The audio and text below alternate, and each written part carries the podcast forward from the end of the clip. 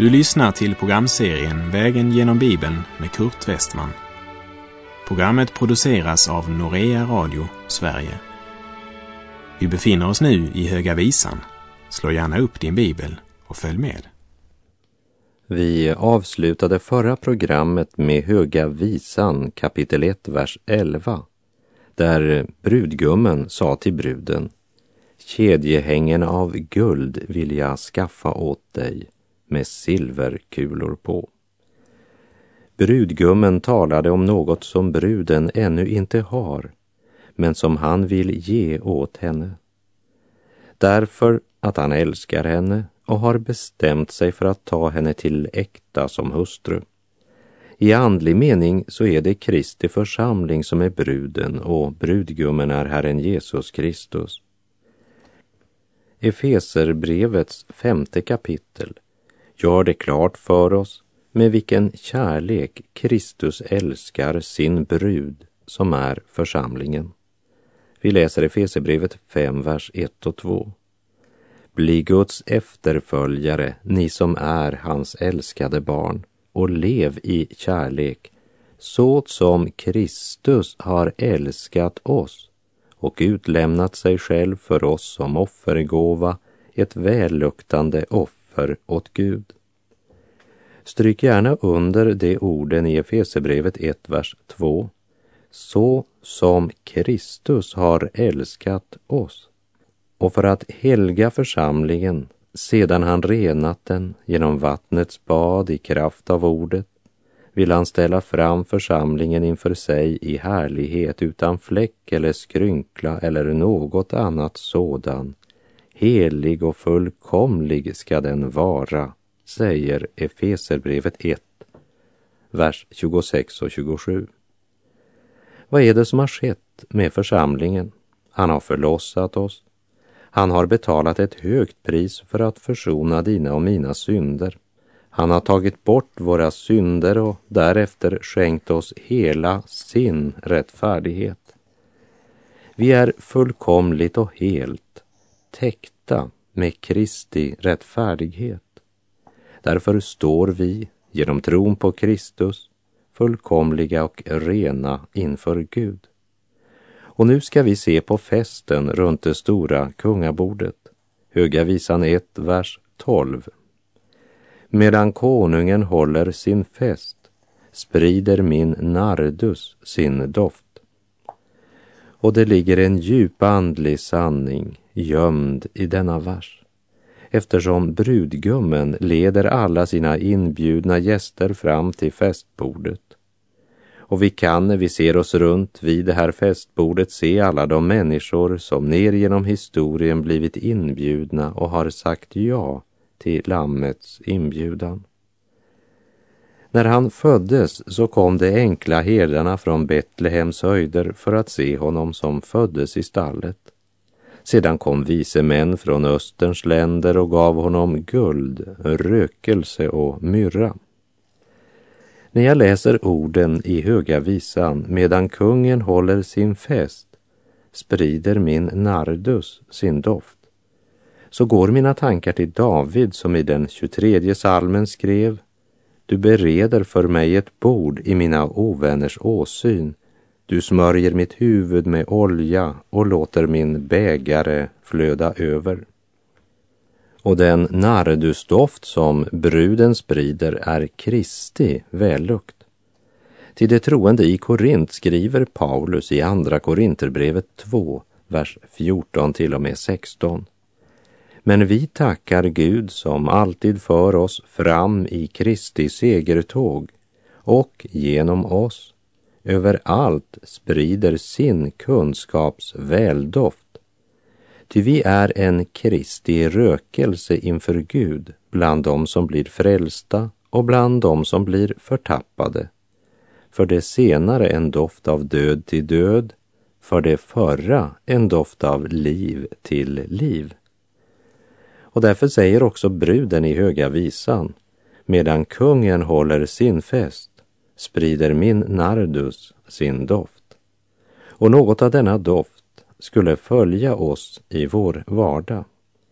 Om vi regelbundet sitter vid hans bord, lever i hans ord så vill också vår bägare flöda över och Kristusdoften spridas. Att fira Herrens nattvard är en mycket viktig del av vår gudstjänstgemenskap. Om det blir en stund med verklig gemenskap och samhörighet med honom. Men om det bara är ett ritual du tar del i så kan du bara glömma det. För då har det ingen betydelse. Kära vän som lyssnar. Så fort du vaknar på morgonen så tala om för Jesus att du älskar honom.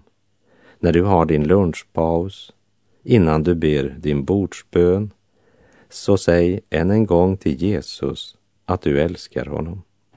Och innan du börjar din kvällsbön, tala först om för Jesus att du älskar honom. Och om du gör detta var dag så ska du upptäcka att också Guds ord kommer att få en helt ny mening och dimension. Jesus, låt din väldoft vila över våra liv. Och vi ska läsa Höga visan 1, vers 13, där bruden fortsätter att utgjuta sitt hjärtas känslor för brudgummen. Min vän är för mig ett myrragömme som jag bär vid mitt bröst. Som du minns från kapitel 2 så står det om de vise män att de föll ner och tillbad Jesusbarnet.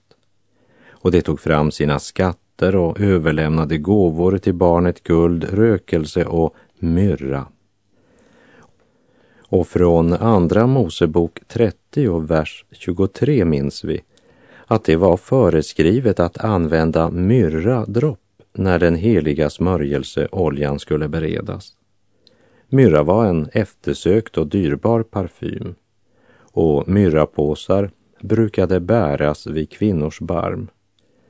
Men vi ser att i Höga visan 1, vers 13 så säger bruden inte att hon bär en myrrapåse för att dofta gott, utan hon säger att hennes älskade, brudgummen, är för henne ett myrragömme. Det vill säga hela hennes liv får sin doft av brudgummen. Han är alltid i hennes tankar. Allt i livet har fått en annan doft efter att hon mötte honom. Det paradoxala med myrran är att det är en bitter men dock välluktande ört. Och det säger oss att det finns en smärta som för med sig en doft vi inte vill vara förutan. När en människa har fått möta Kristus och fått Guds helige ande i sitt hjärta må hon också bära sitt kors och följa honom och med glädje ta emot den bägare han räcker oss att dricka. Myrran talar om hela Kristi liv, från födseln och hela hans gärning till hans död och det bör alltid uppta våra tankar. Det är viktigare att äga Kristus i sitt hjärta än att ha rätt parfym eller rakvatten. Bruden säger, min vän är för mig ett myrragömme som jag bär vid mitt bröst. Och för oss som lever i det nya förbundet så är det något som är ännu större, nämligen att Jesus bär din och min nöd på sitt hjärta alltid. I Hebreerbrevet 7, vers 25 står det Därför kan han också helt och fullt frälsa dem som genom honom kommer till Gud, ty han lever alltid för att mana gott för dem. För att gå i förbön för dem, står det i Norsk bibels översättning. Jag skulle ej sörja, jag har ju en vän som bär på sitt hjärta min nöd. Den vännen är Jesus, han älskar mig än, han älskar i liv och i död. Min vän är för mig ett myrragömme som jag bär vid mitt bröst.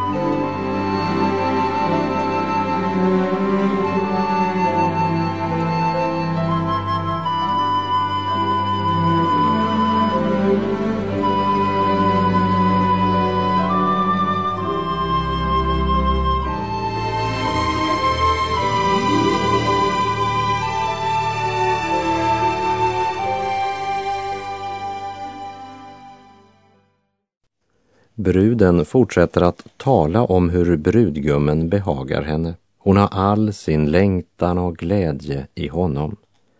Höga visan 1, vers 14. Min vän är för mig en klase syperblommor från Engedis vingårdar.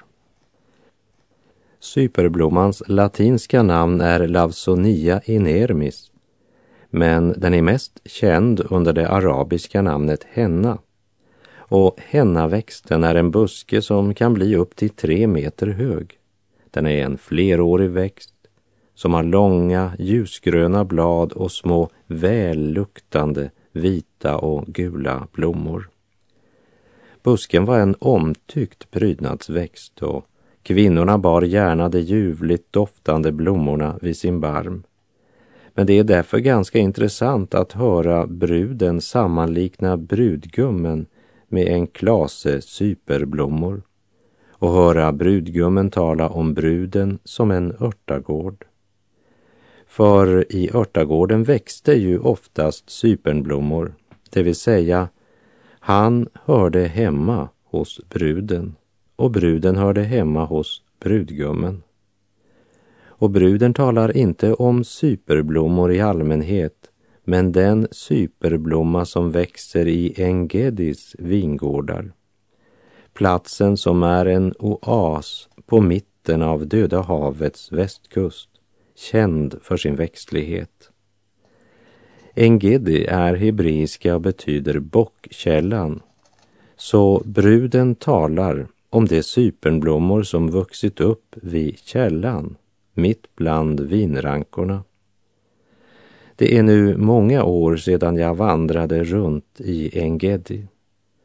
Men det som slog mig mest den gången var att Engedi var en tillflyktsort. När David flydde för sitt liv undan Salomo och hans soldater så tog han bland annat tillflykt till källorna vid Engedis grottor. Kan du höra den underbara klangen i brudens ord? Min vän är för mig en klase syperblommor från Engedis vingårdar. Hon är så tillfreds med sin brudgum. Hon gläder sig, hon, hon är fylld av längtan Brudgummen är hennes livs centrum. Min vän, är det Jesus som tillfredsställer ditt liv? Gläder du dig i Jesus? Är du tillfredsställd i Kristus? Jag tror inte det är så många som är det, tyvärr. För då skulle de inte jaga världen runt i sitt desperata sökande efter att finna tillfredsställelse i allt möjligt.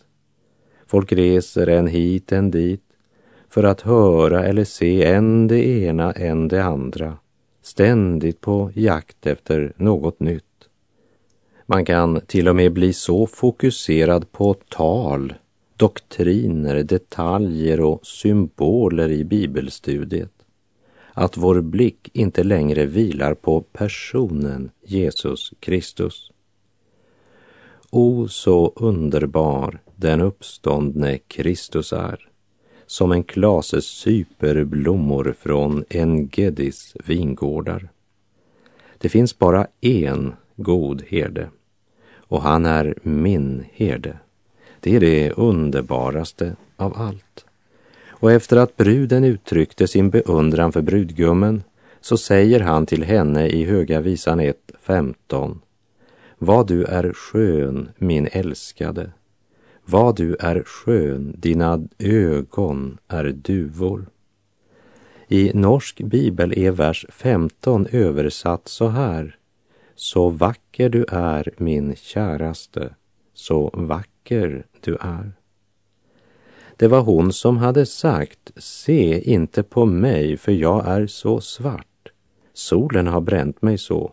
Men han säger till henne, se så vacker du är.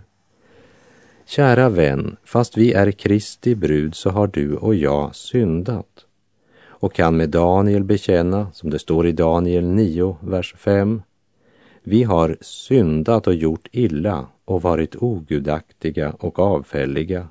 Vi har vikit av från dina bud och lagar.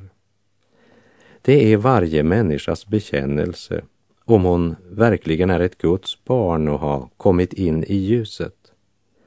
Men i Kristus har vi en överste präst om vilken Hebreerbrevet 4, vers 15 och 16 säger Ty vi har inte en överste präst som ej kan ha medlidande med våra svagheter, utan en som blev frestad i allt liksom vi, men utan synd.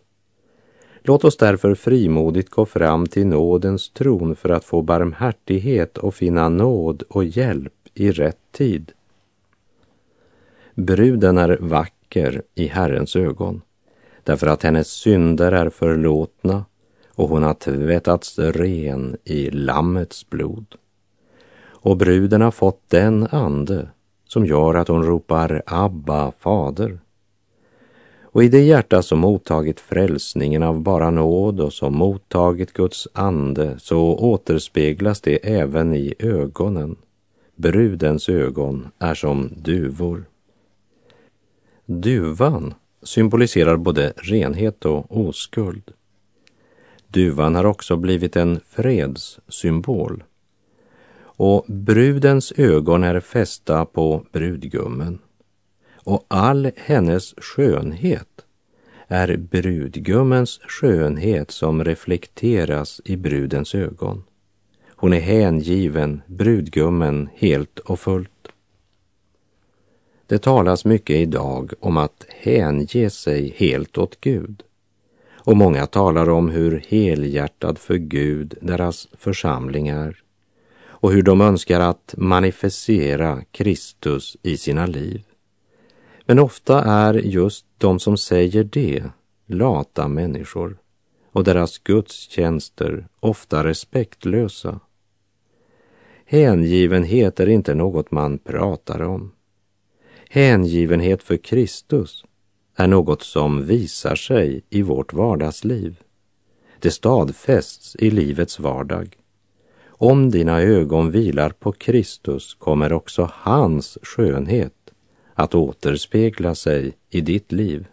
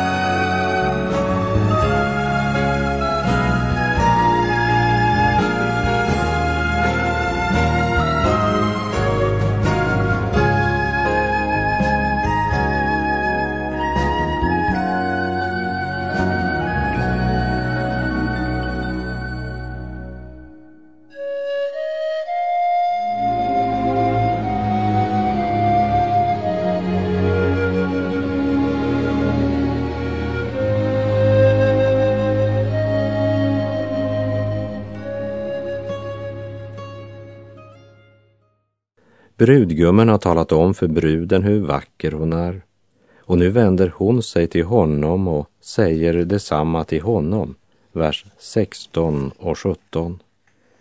Vad du är skön, min vän, ja, ljuvlig är du och grönskande är vårt viloläger. Bjälkarna i vår boning är sedrar och cypresser i vår väggpanel. Brudgummen, lammet, är det underbaraste som den troende kan tänka sig, för hon ser den härlighet som den enfödde har av Fadern. För Kristus är full av nåd och sanning. Men den här tidsålderns Gud har förblindat de otroendes sinnen så att de inte ser ljuset som strålar ut från evangeliet om Kristi härlighet, han som är Guds avbild men den på nytt födda människan ser det. För vi känner som skriften säger, vad ögat inte har sett och örat inte hört och människohjärtat inte kunnat ana vad Gud har berett åt dem som älskar honom. Ty för oss har Gud uppenbarat det genom sin ande. Anden utforskar allt, också djupen i Gud, står det i Första Korinthierbrevet 2, vers 9 och 10. Bruden har fått veta att hon är högt älskad av sin brudgum och nu flödar hennes hjärta över. Victor Hugo har sagt, den största lycka i livet är vissheten om att vara älskad precis som man är, eller rättare sagt älskad trots det du är. Och när bruden så tydligt fått veta hur älskad hon är kallar hon sin vän ljuvlig och vilolägret grönskande. Herren är min herde, mig ska inget fattas. Han låter mig vila på gröna ängar, han för mig till vatten där jag finner ro. Grönskande är vårt viloläger. I Guds rike är vilan lika viktig som arbetet. Jesus var aldrig lat, men han stressade aldrig. I sin fantastiska bok Bibelns eget budskap tar Hugo Odeberg upp just detta tema. Och nu vill jag citera för dig något av det han säger, citat.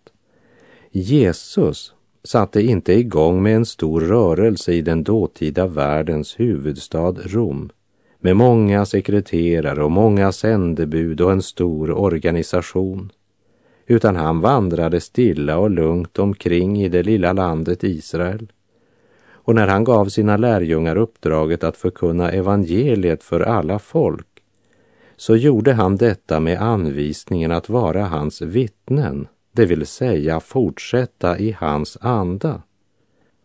Och de hade fått med sig det ordet av Mästaren, mig förutan kan ni inget göra. För honom är alltså jäktet och brådskan rent av ondo. Arbetet blir inte rätt arbete om det behärskas av jäkt och oro. Arbetet blir inte rätt arbete om det är en börda, något man inte hinner med. Och den som pålägger andra ett arbete som inte helt kan utföras i glädje och ro, han står i det ondas tjänst. Och minns att det endast är vilan som får en hel dag sig given. Under arbetsdagarna är det också en rytm mellan arbete och vila. Skaparen har givit människorna sömnen som varje dags vila. När Jesus sade Kommen nu avsides med mig och vila er litet, så var det mitt på en arbetsdag som det blev sagt.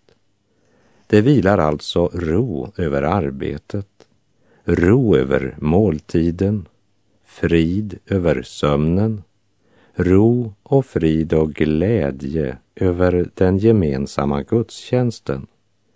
Men så är det dessutom givet den gåvan att få vara alena, ensam i bön, i eftertanke, i tankens ro och vila. Och ordet är bevarat i vårt evangelium så som ett ord till alla, till var och en som läser det. Detta Jesu ord är menat att vara lika friskt och direkt till alla tider i detta nu som det var en gång när det sades till lärjungarna. Och det skönaste med denna vilan i ensamheten på en öde plats är att det är med Jesus som den ensamme är alena. Därför är han ensam, dock aldrig ensam. Han hör ordet Vila dig lite, min vän. Så långt Hugo Odeberg. För den människa som genom Guds ord och Guds heliga ande har fått frid i sin själ så blir allting annorlunda. Arbetet blir annorlunda. Måltiderna blir annorlunda. Gemenskapen med andra människor påverkas. Till och med när man vilar är det annorlunda. När brudgummen dök upp på Sulems höjder så började en helt ny epok i brudens liv. Den dagen förändrade allt. Men den största förändringen sker då bröllopsfesten äger rum. Och Uppenbarelsebokens näst sista kapitel säger att han som sitter på tronen har sagt Se, jag gör allting nytt. Och han sade också Skriv, ty dessa ord är trovärdiga och sanna. Vad du är skön, min vän. Ja, ljuvlig är du och grönskande är vårt viloläger. Och med det så är vår tid ute för den här gången. Herren vare med dig. Låt honom dra dig in i hans närhet. Ja, låt honom föra dig till vila på gröna ängar. Låt honom föra dig till vatten där du finner ro. Ja, där du finner ett grönskande viloläger. Må hans välsignelse vila över ditt viloläger, nu och i all evighet. Gud är god.